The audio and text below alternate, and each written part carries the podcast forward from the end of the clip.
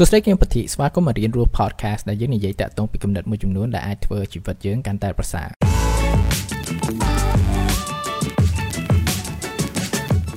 សួស្តីអ្នកទាំងគ្នាថ្ងៃនេះដែរខ្ញុំចង់ចែករំលែកនៅភាពរីករាយមួយដែលខ្ញុំមានពីរៀនរស់ podcast ហើយពេលនេះហើយគឺថាបានរយៈពេល1ឆ្នាំហើយនៃការបង្កើត podcast នេះហើយខ្ញុំក៏ចង់ចែករំលែកតាក់ទងពីភាពជោគជ័យនៃ podcast នេះជាមួយនឹងអ្នកទាំងអស់គ្នាដែរព្រោះថាប្រសិនបើអត់មានមិត្តអ្នកស្ដាប់ជួយគ្រប់គ្រងនៅ podcast នេះក៏វាមិនមែនជាអ្វីមួយដែលអាចនឹងដំណើរការរលូនផងដែរអញ្ចឹងខ្ញុំអរគុណមែនតើក្នុងការគ្រប់គ្រងដ៏សកម្មហើយជាពិសេសគឺមិត្តអ្នកស្ដាប់ដែលគ្រប់គ្រងនៅក្នុង Patreon community របស់ខ្ញុំព្រោះថាវាជាអ្វីមួយដែលជំរុញនៃដំណើរការនៃ podcast នេះទៅមុខទៀតផងដែរសម្រាប់មិត្តអ្នកស្ដាប់ទាំងអស់គ្នាផងដែរអញ្ចឹងខ្ញុំអរគុណមែនតើនៅអ្នកស្ដាប់អ្នកដែលគ្រប់គ្រងអ្នកដែល support ទាំងអស់ព្រោះថាដំណើរនៃមួយឆ្នាំនេះគឺมันអាចទៅរួចបើសិនបើអត់មានអ្នកទាំងអស់គ្នាអញ្ចឹង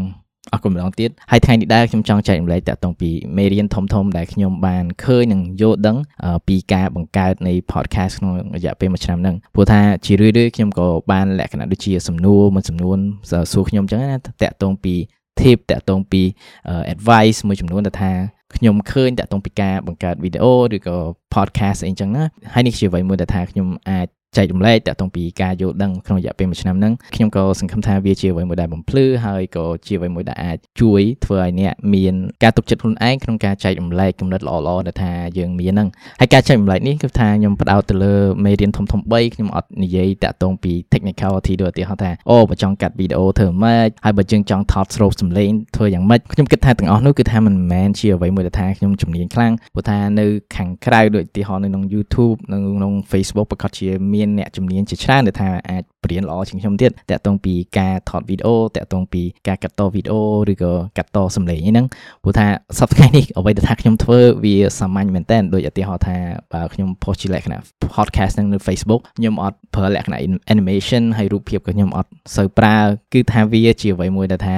សាមញ្ញមែនតើការចែករំលែកនេះគឺផ្ដោតទៅលើ content គឺថាអ្វីដែលថាយើងនិយាយហ្នឹងព្រោះថាមាន creator ជាច្រើនមែនតើដែលគាត់ agree ទៅលើ clear មួយគឺថា content is king មានន័យថាអត្ថបទឬក៏អ្វីដែលយើងនឹងនិយាយណាខ្លឹមសារទាំងអស់ហ្នឹងគឺជាស្ដាច់គឺថាប៉ះសិនបើអ្វីដែលយើងនិយាយអត់មានខ្លឹមសារអត់មានអត្ថន័យច្បាស់លាស់អីចឹង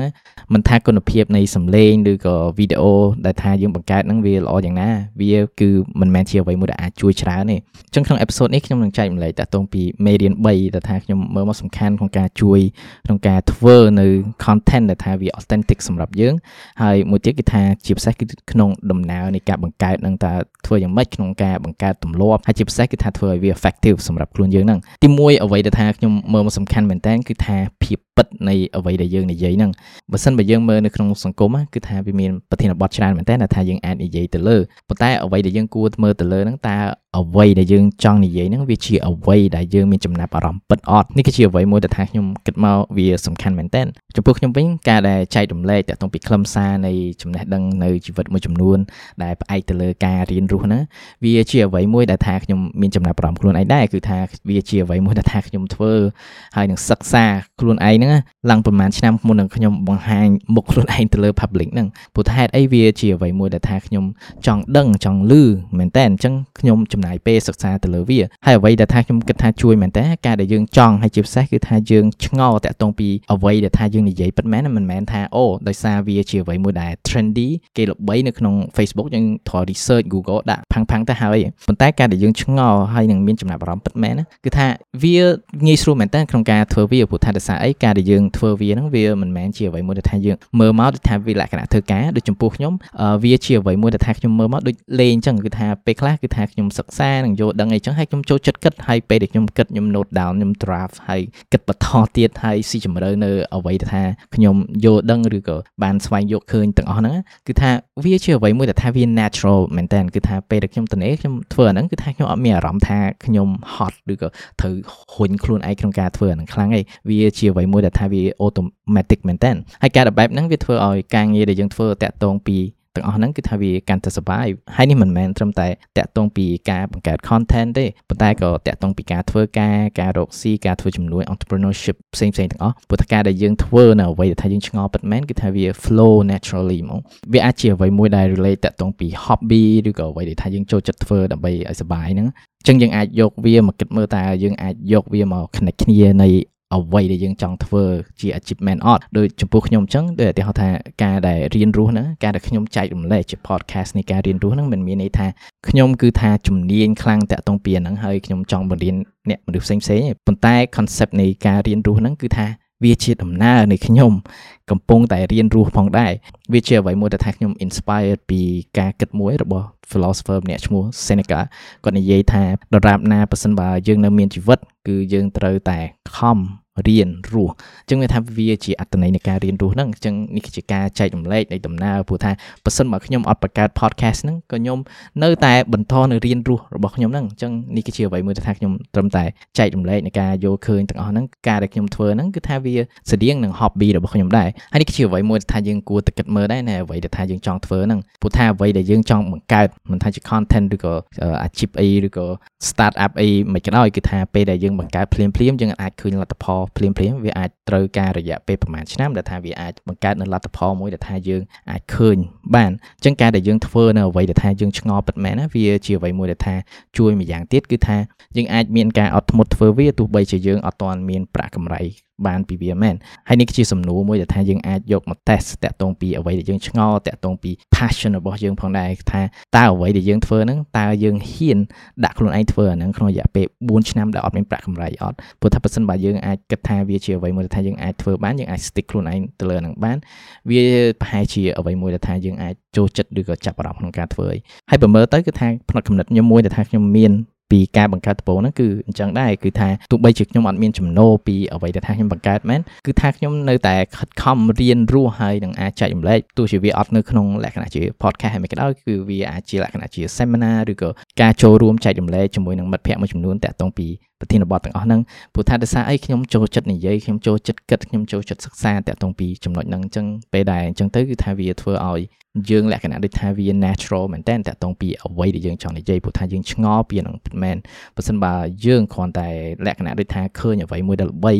ហើយវា trendy យើងចង់បង្កើត content ទាំងអស់ហ្នឹងព្រោះថាដោយសារអីគេចង់មើលគេចង់អីទាំងអស់ហ្នឹងយើងអាចធ្វើបានប៉ុន្តែវា work ទៅលើលក្ខណៈដូចថាចំនួននៃតួលេខនៃ like នៃអីទាំងអញ្ចឹងមែនប៉ុន្តែវាមិនមែនជាអ្វីមួយដែលថាអាចជួយបានច្រើនតាក់ទងពី brand consistency របស់យើងហ្នឹងតាក់ទងពីតើយើងជានរណាដូចចំពោះខ្ញុំតាក់ទងពីរៀនរស់ podcast ហ្នឹងវាសាមញ្ញមែនទែនគឺថាខ្ញុំ រៀនរស់អញ្ចឹងខ្ញុំចូលចិត្តនិយាយតាក់ទងពីទាំងអស់ហ្នឹងអញ្ចឹងមិនថាវាជា content ឬក៏ជាអ្វីមួយផ្សេងទាំងអស់យើងគួរតែគិតមើលផងដែរគឺថាតើអ្វីដែលយើងចង់ធ្វើហ្នឹងអ្វីដែលយើងចង់បង្កើតហ្នឹងវាជាអ្វីមួយដែលយើងមានចំណាប់អារម្មណ៍អត់ព្រោះថាបើសិនបើវាជាអ្វីមួយដែលចាប់ផ្ដើមដំបូងឡើយពីដៃទៅទេហ្មងវាអាចជាអ្វីមួយដែលថាយើងអាចនឹងចាប់ផ្ដើមពេលដែលយើងកំពុងធ្វើការ full time ដូចខ្ញុំក៏នៅ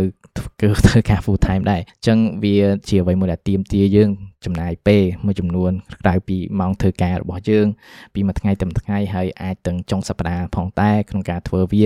បើសិនបើវាជាអ្វីមួយដែលថាយើងស្អប់យើងអត់ចូលចិត្តយើងអត់ចង់ចំណាយពេលធ្វើហ្នឹងការដែលយើងធ្វើហ្នឹងដូចថា ដូចធ្វើបាបខ្លួនឯងអញ្ចឹងវាជាអ្វីមួយដែលពិបាកមែនតើប៉ុន្តែអ្វីដែលយើងអាចមានចំណាប់អារម្មណ៍ពិតហ្នឹងវាអាចជាអ្វីមួយដែល natural សម្រាប់យើងមែនតើ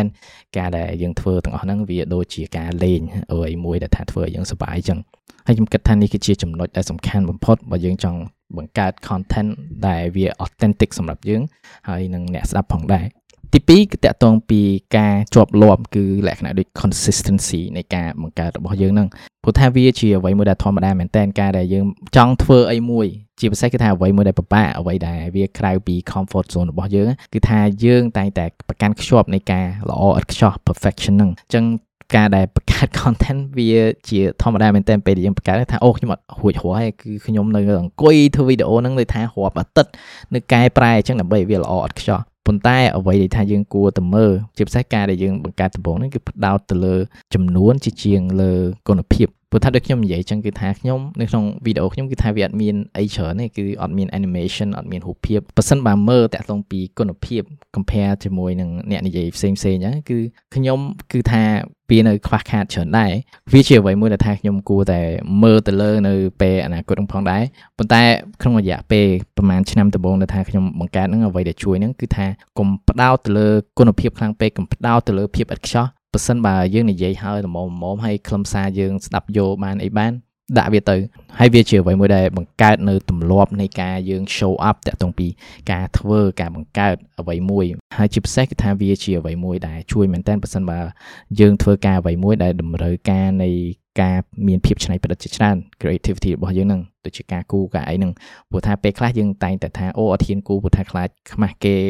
ព្រោះថាយើងគូល្អយើងខ្លាចសរសេរមកថាខុសឆ្គងយើងមានអារម្មណ៍ល្អដោយសារខ្មាស់គេដែរអញ្ចឹងទៅប៉ុន្តែការដែលមាន consistency ហ្នឹងគឺថាវាជាអ្វីមួយដែលថាជំរុញយើងក្នុងការធ្វើការហើយជាពិសេសគឺថាកុំគិតតាក់ទងពីមជ្ឈដ្ឋានខាងក្រៅគឺថាយើងផ្ដោតទៅលើ ការធ្វើការងាររបស់យើងនឹងយើងកុំបញ្ជាពេយើងកុំដូចថាបង្កើតលក្ខណៈជាលេសក្នុងការអត់ធ្វើទៅលើវាព្រោះថាវាងាយស្រួលមែនតើហើយវាជាអ្វីមួយដែលថាចំពោះខ្ញុំគឺថាត្រូវស៊ូខំប្រឹងមែនតើដើម្បីឲ្យមាន consistency នឹងហើយវាមិនមែនជាអ្វីមួយដែលថាខ្ញុំល្អខ្ចោះដែរប៉ុន្តែ វាជាគោលដៅមួយរបស់ខ្ញុំគឺថាធ្វើមិនបង្កើតឲ្យបានច្រើន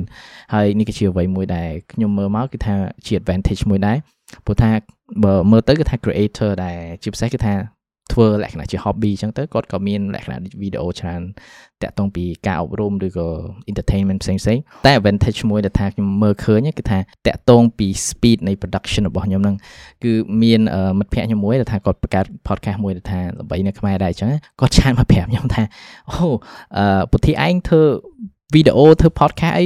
មួយ episode មួយ episode លឿនលឿនហ្មងខ្ញុំ production ឡើងមួយ team ហើយ ពុទ្ធិឯងតែម្នាក់ឯងហើយធ្វើលឿនជាង production មួយ team ទៀតហើយនេះហើយគឺជាលទ្ធផលនៃការមានលក្ខណៈថាភាពជាប់លាប់ consistency ហ្នឹងគឺថាយើងត្រូវតែមានទម្លាប់នៃការបង្កើតថាមួយថ្ងៃចំណាយពេលថា30នាទី1ម៉ោងក្នុងការបង្កើតឬក៏គិតតាក់ទងពីចំណិតរបស់យើងហ្នឹងដូចចំពោះខ្ញុំអញ្ចឹងទៅថាមួយអាទិត្យគឺថាខ្ញុំតែងតែលក្ខណៈថាមានគោលដៅមួយថា release ឲ្យបាន3 episode ក្នុងមួយអាទិត្យនៃ podcast ហ្នឹងហើយនេះជាអ្វីមួយដែលថាវាមិនឥតខ្ចោះដូចខ្ញុំនិយាយអញ្ចឹងប៉ុន្តែវាជួយមែនតើចុងក្រោយពេលដែលខ្ញុំខំប្រឹងស៊ូក្នុងការមានភាពជាប់លាប់ទាំងអស់ហ្នឹងហើយមិនមែនតែប៉ុណ្្នឹងទេគឺថាខ្ញុំបង្កើតលក្ខណៈជា quote poster ហើយជាលក្ខណៈជា form of content ផ្សេងផ្សេងទៀតហើយទាំងអស់ហ្នឹងគឺថាខ្ញុំធ្វើលក្ខណៈដូចថាជា free time ទាំងអស់តែថាខ្ញុំមានក្រៅពី full time នៃការងាររបស់ខ្ញុំហ្នឹងអញ្ចឹងវាថាជា consistency នៃការបង្កើតហើយ បង្កើតឲ្យបានច្រើនមែនតើពេលដែលយើងបង្កើតដំបូងហ្នឹងហើយអ្វីដែលល្អនឹងជួយមែនតើណាគឺថាវាជាអ្វីមួយដែលថាឲ្យ feedback យើងលឿនមែនតើដូចឧទាហរណ៍ប៉ះសិនបើខ្ញុំចំណាយពេលរាប់ខែធ្វើការទៅលើវីដេអូមួយហើយខ្ញុំ release វាអាចល្អឥតខ្ចោះមែន ឬក៏អាចអត់ហងព្រោះថាភាពឥតខ្ចោះអាហ្នឹងជា condition មួយថាយើងគិតទៅលើខ្លួនឯងយើងអត់ដឹងទេអ្នកដតីគិតមិនត្រូវយើងអាចគិតថាវាឥតខ្ចោះតែយើងដាក់ទៅក្រៅទៅនៅតែមាន feedback ដូចតែគ្នាហ្នឹងប៉ុន្តែពេលដែលយើងបង្កើតបានច្រើនហ្នឹងគឺថាយើងប្រមូលលក្ខណៈជា feedback កាន់តែច្រើនដូចថាពេលដែលខ្ញុំផុសចឹងពេលខ្លះខ្ញុំសរសេរអីខុសឬក៏ពេលខ្លះគឺថាខ្ញុំនិយាយអីខុសមិនតិចតួចចឹងទៅមានមិត្តអ្នកស្ដាប់ថាគាត់ជួយកែប្រែអញ្ចឹងហើយនេះជាអ្វីមួយថាខ្ញុំ appreciate ខ្ញុំតែងតែយកមកគិតគូរតាក់ទងពីតើធ្វើយ៉ាងម៉េចដើម្បីឲ្យខ្ញុំបង្កើត content ឲ្យកាន់តែល្អអញ្ចឹងបើសិនបើយើងបង្កើតដូចថា3ខែចេញទៅមួយវីដេអូឬមួយខែចេញទៅមួយវីដេអូអីចឹងគឺថាវាអាចនឹងខ្វះខាតនៃការមាន feedback loop ទាំងអស់ហ្នឹងហើយការដែលមួយអាទិត្យខ្ញុំលក្ខណៈថាបង្កើតដូចថា content ពី3 4 5អញ្ចឹងទៅអញ្ចឹងខ្ញុំអាចមាន feedback ច្រើនមែនតើហើយវាជាអ្វីមួយដែលថាជួយខ្ញុំក្នុងការលូតលាស់ជា creator ម្នាក់ហើយបើខ្ញុំមើលទៅក្នុងរយៈពេលដូចថាមួយឆ្នាំពីរឆ្នាំហ្នឹងថាខ្ញុំបង្កើតហ្នឹងគឺថាវា ជួយខ្ញុំមែនតើតកតងពីការនិយាយលក្ខណៈជាភាសាខ្មែរឬក៏ការសរសេរអីហ្នឹងព្រោះថាការខ្ញុំបង្កើតដំបូងណាគឺថាខ្ញុំ ពីមុនគឺថាខ្ញុំអត់បានសូវប្រើច្រើននៅភាសាខ្មែរក្នុងរយៈពេលប្រហែលឆ្នាំព្រោះសារខ្ញុំនិយាយថាធ្វើការនៅប្រទេសក្រៅអីចឹងណាហើយដល់អញ្ចឹងទៅការដែលខ្ញុំបង្កើតដំបូងហ្នឹងគឺថាតែងតែសេខុសអីចឹងហើយដោយសារមានមិត្តអ្នកស្ដាប់គាត់ថាគាត់ជួយកែប្រែនៅពីអីមួយចំនួនហើយជាពិសេសគឺមិត្តភ័ក្តិមែនតើដែលថាគាត់ស្គាល់ហើយគាត់និយាយថា support តាក់ទងពីអ្វីដែលខ្ញុំធ្វើគាត់ចេះតែប្រាប់អីទាំងអស់ហ្នឹងគឺថាវាជាអ្វីមួយដែលថាខ្ញុំជួយជួយកែប្រែមែនតើហើយយើងគួរតែមើលដែរតាក់ទងពីមតិនៃមនុស្សម្នាជុំវិញថាគាត់ឲ្យមកយើងជា feedback ហ្នឹងវាមិនមែនជាអ្វីមួយដែលថាយើងគួរភ័យខ្លាចប៉ុន្តែយើងគួរតែមើលមកគឺថាយើងគួរតែចង់បានអស់នឹងកាន់តែច្រើនហើយការដែលមានភាពជាប់លាប់ហើយជាពិសេសគឺថា ខំប្រឹងបង្កើតឲ្យបានច្រើន focus ទៅលើ quantity ជាជាង quality ដំបូងឡើយហ្នឹងគឺល្អមែនតើព្រោះថាការដែលយើង focus ទៅលើ quantity ដំបូងហ្នឹងគឺថាវាជាអ្វីមួយដែលថាយើងអាចបង្កើតនៅ feedback ជាច្រើន feedback loop ហ្នឹងហើយ feedback loop ហ្នឹងបើសិនមកយើងយកវាយកមកស្ដាប់មក trash រីហើយជាពិសេសគឺយកវាមកកែច្នៃនៅអ្វីដែលថាយើងបង្កើតវាជាផលិតផលក៏ដោយឬក៏វាអាចជា content ដែលយើងបង្កើតអីក៏ដោយការដែលយើងធ្វើបែបហ្នឹងគឺថា quality ក៏វាអាចបន្ត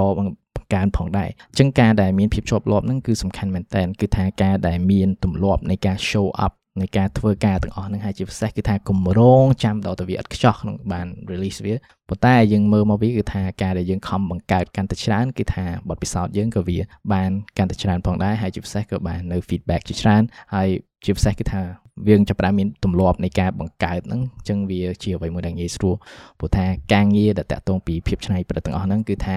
វាជាអ្វីមួយដែលថាយើងជួបនៅអ្វីមួយដែលហៅ self resistant ណាការរៀបរៀងខ្លួនឯងក្នុងបង្កើតព្រោះថាអាចមានភាពខ្មាស់អៀនឬក៏ភ័យខ្លាចនៅការរិះគន់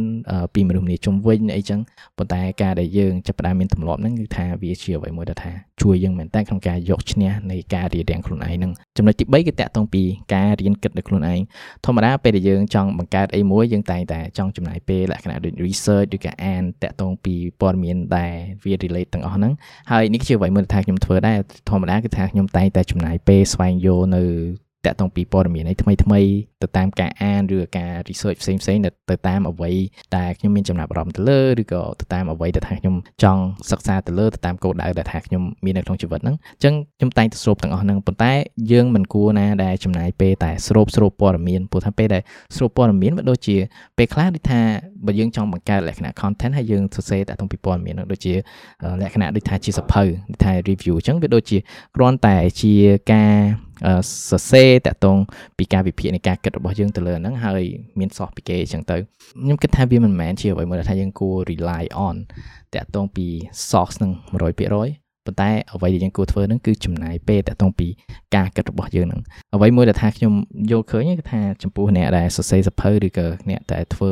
សិល្បៈផ្សេងផ្សេងដែលថាវាតម្រូវការមានភាពច្នៃប្រឌិតណាអ្វីដែលគាត់ពួកគាត់ធ្វើហ្នឹងគឺថាគាត់ចូលចិត្តចំណាយពេលនៅតែឯង មានពេលមួយថាគាត់នៅតែឯងគាត់នៅឆ្ងាយពីអ្នកដទៃហើយគាត់អត់ស្រូបព័ត៌មានអីផ្សេងផ្សេងប៉ុន្តែគាត់ទុកពេលឲ្យខ្លួនគាត់គិត ហើយជាពិសេសគឺចបតតងពីព័ត៌មានដែលគាត់បានស្រូបក្នុងមួយរយៈហ្នឹងហើយចាប់ផ្ដើមគិតដល់ខ្លួនឯងតើនិយមន័យឬក៏ការសន្មតអីខ្លះដែលពួកគាត់មានហ្នឹងហើយនេះជាអ្វីមួយដែលថាយើងគួរចំណាយពេលដែរក្នុងការគិតដល់ខ្លួនឯងគិតដល់ខ្លួនឯងយ៉ាងម៉េចគឺថាការដែលចំណាយពេលលក្ខណៈមួយថាវាអាចធុញព្រោះថាសប្តាហ៍ថ្ងៃនេះគឺថាវាតែងតែមានអ្វីមួយដែលទាញចំណាប់អារម្មណ៍យើងដែលថាធ្វើឲ្យយើងរវល់រហូតដោយឧទាហរណ៍ថាការដែលយើងតនេលក្ខណៈថាមិននាទីឬក៏10វិនាទីក៏ដោយយើងតែងតែមានទូរស័ព្ទចុចហើយតែងតែមាន notification ផ្សេងៗដែលថាវាតែងតែទាញចំណាប់អារម្មណ៍យើងរហូតអញ្ចឹងថាខ្លួនយើងគឺថាតែងតែរវល់រហូតក្នុងការផ្ដោតអារម្មណ៍ទៅលើអ្វីមួយហើយការដែលយើងឈប់ផ្ដោតអារម្មណ៍ការដែលយើងមានពេលមួយដែលថាយើងអត់ផ្ដោតអារម្មណ៍លើទាំងអស់យើងអង្គុយនៅតែឯង ដូចថាអង្គុយមើលទេសភាពអីចឹងណាឬក៏ការដើរឬក៏ការធ្វើសកម្មភាពមួយដែលថាវាសាមញ្ញដែលថាវាអាចធុញដូចការលាងចានអីទាំងអស់ហ្នឹងការដែលយើងធ្វើបែបហ្នឹងគឺថាយើងចាប់ផ្ដើមដូចថាចេញពីការផ្ដោតអារម្មណ៍ទៅលើសកម្មភាពឬក៏អ្វីមួយហ្នឹងគឺយើងផ្ដោតអារម្មណ៍តាក់ទងពីការគិតរបស់យើងវិញហើយគូក្បាលយើងគឺគិតរហូតមួយថ្ងៃហ្នឹងគឺថាគិតរហូតប៉ុន្តែ ពេលខ្លះយើងដឹងថាយើងគិតអីអាអីព្រោះថាយើងអត់ផ្ដោតអារម្មណ៍ទៅលើការគិតរបស់យើងហ្នឹងអញ្ចឹងការដែលយើងបង្វែរពីការផ្ដោតអារម្មណ៍របស់យើងទៅលើការគិតរបស់យើងណាយើងចាប់ផ្ដើមឃើញនៅអ្វីមួយដែលល្អមែនតើគឺថាយើងចាប់ផ្ដើម គិតឃើញតាក់ទងពី inspiration ផ្សេងៗយើងអាចគិតឃើញតាក់ទងពីនិយមន័យឬក៏ការ connect the dot ផ្សេងផ្សេងនៃអ្វីដែលថាយើងបានសិក្សានិងយល់ដឹងអីចឹងដូចឧទាហរណ៍ថាចំពោះខ្ញុំការដែលខ្ញុំបង្កើត content ហ្នឹងគឺគំនិតជាច្រើនមែនតើគឺថាខ្ញុំមានពេលដែលខ្ញុំអង្គុយលេងពេលដែលខ្ញុំដូចថាអង្គុយនៅហាងកាហ្វេហើយដូចថាអង្គុយហើយកាន់ប៊ិចមួយហើយគិតអីចឹងពេលហើយឬក៏ពេលជិះម៉ូតូឬក៏ពេលដើរឬក៏ពេលលាងចានអីណាគឺតែងតែមានគំនិតព្រោះថាដោយសារអីព្រោះថាពេលហ្នឹងគឺថាខ្ញុំបានផ្ដោតអារម្មណ៍ទៅលើការគិតរបស់ខ្ញុំហើយទាំងអស់ហ្នឹងគឺថាខ្ញុំតែងតែលក្ខណៈមួយថាពេលដែលខ្ញុំមានគំនិតអីមួយគិតឃើញអីមួយគឺខ្ញុំតែងតែយកទូរស័ព្ទខ្ញុំមកកត់ត្រាលក្ខណៈជា note មួយដាក់នៅក្នុងហ្នឹងដល់ពេលថ្ងៃក្រោយទៅដូចថាពេលដែលដល់មកខ្ញុំត្រូវ create ឬក៏ draft អីចឹងទៅខ្ញុំសរសេរបន្តតាក់ទងពីអ្វីដែលខ្ញុំគិតឃើញហ្នឹងហើយ process នេះចំពោះខ្ញុំគឺថាវាជាអ្វីមួយដែលសប្បាយ enjoyable មែនតើហើយដល់យើងធ្វើអញ្ចឹងទៅគឺថាយើងចាប់ផ្ដើមលក្ខណៈដូចថា បង្កើតជាលក្ខណៈ originality មួយនៃការបង្កើត content របស់យើងហ្នឹងព្រោះថាការដែលយើងបង្កើត content យើងអាចពឹងទៅលើនៅសោះអីរហូតទេដូចថាយើងអានសភៅមកយើងខ្វល់ខ្វល់ខ្វល់គេរហូតប៉ុន្តែអត់មានការគិតខ្លួនឯងត្រូវឬក៏អ្វីដែលថាយើងគិតតាក់ទងពីអ្វីដែលយើង research ហ្នឹងគឺថាវា shallow មែនតើប៉ុន្តែចំពោះខ្ញុំដូចថាពេលដែលកំណត់មកអញ្ចឹងដូចថាកំណត់អីមួយហ្នឹងវាអាចជាអ្វីមួយដែលថាខ្ញុំបន្ទាប់បានពីខ្លួនឯងបន្ទាប់ឬក៏3 4 5 source ដែលថាខ្ញុំឃើញដូចថាកំណត់មួយអញ្ចឹងទៅខ្ញុំឃើញថា connect the dot ហ្មងលក្ខណៈថាអូសភៅ4 5ក្បាលឬក៏អ្នកនិពន្ធ4 5អ្នកហ្នឹងគឺថាគាត់និយាយតាក់ទងពីចំណុចហ្នឹងដូចគ្នាមែនតើថាខ្ញុំឃើញឲ្យពេលដែលខ្ញុំឃើញអញ្ចឹងទៅគឺថាខ្ញុំបង្កើតជា conclusion មួយថ្មីដែលថាខ្ញុំអាចលើកឡើងមកនិយាយអញ្ចឹងហើយនេះគឺជាអ្វីមួយដែលថាបាននិយាយច្រើនមែនតើតាក់ទងពីមនុស្សឆ្នៃប្រតិច្រើនដែលគាត់និយាយថាភាពច្នៃប្រឌិតតែថាវា original ហ្នឹងតាមពិតវាអត់មានអ្វីជា original តាមពិតគឺវាជាការផ្គុំនៅព័ត៌មានជាច្រើនដែលអ្នកសរសេរឬក៏អ្នក គិតមុនមុនក៏ធ្លាប់គិតឬក៏ធ្លាប់ធ្វើហ្នឹងហើយផ្គុំវាទៅវាคล้ายជាអ្វីមួយថ្មីហើយយើងអាចផ្គុំបានបើសិនបើយើងអត់គិតទៅព្រោះថាយើងមានព័ត៌មានទាំងអស់ហ្នឹងហើយបើយើងអត់ចំណាយពេលគិតតាក់ទងពីព័ត៌មានទាំងអស់ហ្នឹងក៏វាជាអ្វីមួយដែលពិបាកក្នុងការយើងឃើញនៅភាពភ្ជាប់គ្នាឬក៏អ្វីដែលស្រដៀងគ្នាឬក៏អ្វីដែលខុសគ្នាតាក់ទងពីការគិតទាំងអស់ហ្នឹងដូចឧទាហរណ៍ពេលដែលខ្ញុំអានអញ្ចឹងអ្នកខ្លះនិយាយអញ្ចេះអ្នកខ្លះនិយាយចុះហើយដល់អញ្ចឹងទៅក៏វាជាអ្វីមួយដែលជំរុញខ្ញុំគិតដែរតើវាយ៉ាងម៉េចហេតុអ្វីបានដូចថាមនុស្សម្នាក់ថាគួរ ថាយើងគួរ follow passion របស់យើងមនុស្សម្នាក់អត់ follow passion របស់យើងនឹងហើយពេលខ្ញុំគិតទៅថាអូខេវាអាចជា condition វាអាចទៅតាមពេលវេលាមួយពេលណាមួយឬក៏តាក់ទងពី circumstance មួយឬក៏តាក់ទងពីបរិបទអីមួយយើងគួរតែ follow ហើយបរិបទមួយទៀតគឺថាយើងអត់គួរ follow នេះគឺជាអ្វីមួយដែលថាខ្ញុំយកឃើញទៅតាមនឹងដែរហើយវាទៅតាមការគិតនឹងបើយើងអត់ចំណាយពេលគិតទេក៏វាអត់មកយើងដែរអញ្ចឹងការដែលយើង dedicate time ក្នុងការមើលទៅលើការគិតរបស់យើងគឺចំណាយពេលមួយដែលថាវាទំនេរសម្រាប់យើងមិនមែនទំនេរហ្នឹងយើងយកវាទៅលេងហ្គេមឬក៏ទៅធ្វើអីថាបំពេញឲ្យយើង level ទេតែការដែលទំនេរហ្នឹងគឺទំនេរអត់ធ្វើអីយើងចំណាយពេល គិតនឹងឬក៏ការដែលធ្វើអ្វីមួយដែលថាវារៀងធុញដូចជាការលាងចានអីហ្នឹងទាំងអស់ហ្នឹងគឺថាខ្ញុំចូលចិត្តធ្វើមែនទេពេលខ្លះគឺថាខ្ញុំចូលចិត្តលាងចានមែនទេពេលខ្ញុំលាងចានតែមានកំណត់តែមានកំណត់តែមានកំណត់ទាំងទាំងអស់ហ្នឹងវាធុញប៉ុន្តែការដែលវាធុញហ្នឹងគ្រូក្បាលយើងតែងតែចង់រកនៅអ្វីមួយដែលមានចំណាប់អារម្មណ៍ហើយគិតទៅលើវាធ្វើឲ្យគួរយើងចង់និយាយថាវា enjoy ពេលហ្នឹងហ្នឹងអញ្ចឹងការធុញមិនមែនជាអ្វីមួយដែលថាយើងគួរជៀសវាងប៉ុន្តែវាជាអ្វីមួយដែលយើងគួរមានអូខេខ្ញុំសង្កត់ថានេះគឺជាអ្វីមួយដែលថាវាជួយអ្នកទាំងអស់គ្នាបើសិនបើអ្នកទាំងអស់គ្នាមានលក្ខណៈថាគំនិតដែលថា ចង់ចែករំលែកឬក៏ចង់ចាប់ផ្ដើមនៅដំណើរនៃការចែករំលែកអីមួយព្រោះថាដំណើរនៃការរៀនរស់នេះគឺមិនមែនតែដើម្បីខ្ញុំប៉ុន្តែវាជា platform មួយដែលថាខ្ញុំចង់ឲ្យជំរុញនៅម្នាក់ស្ដាប់ផងដែរក្នុងការចាប់ផ្ដើមរៀនរស់ដោយខ្លួនឯងជាពិសេសគឺថាចែករំលែកនៅគំនិតល្អៗជាមួយនឹងសង្គមរបស់យើងព្រោះកាលណាតែយើងទាំងអស់គ្នាគឺចាប់ផ្ដើមរៀនរស់ខ្លះជាបុគ្គលម្នាក់កាន់តែល្អហ្នឹងគឺថាសង្គមយើងក៏វាល្អទៅតាមនឹងដែរអញ្ចឹងអរគុណមែនតើក្នុងការស្ដាប់ហើយជាពិសេស គឺថាការគ្រប់គ្រងនៅរៀនរស់ podcast នៅដំណើរទាំងអស់ហ្នឹងហើយប្រសិនបើរៀនរស់ podcast គឺជាអ្វីមួយដែលអ្នកទាំងអស់គ្នាឲ្យតម្លៃហើយនឹងចូលចិត្តស្ដាប់មែនតើចឹងអ្នកទាំងអស់គ្នាអាចគ្រប់គ្រងរៀនរស់ podcast ក្នុង Patreon community របស់ខ្ញុំដែលអ្នកអាច subscribe នៅលើ patreon.com/monipatili ចឹងអរគុណមែនតើក្នុងការស្ដាប់ចាំជួបគ្នាថ្ងៃក្រោយក្នុងអំឡុងពេលនេះអភិវឌ្ឍខ្លួនជានិច្ច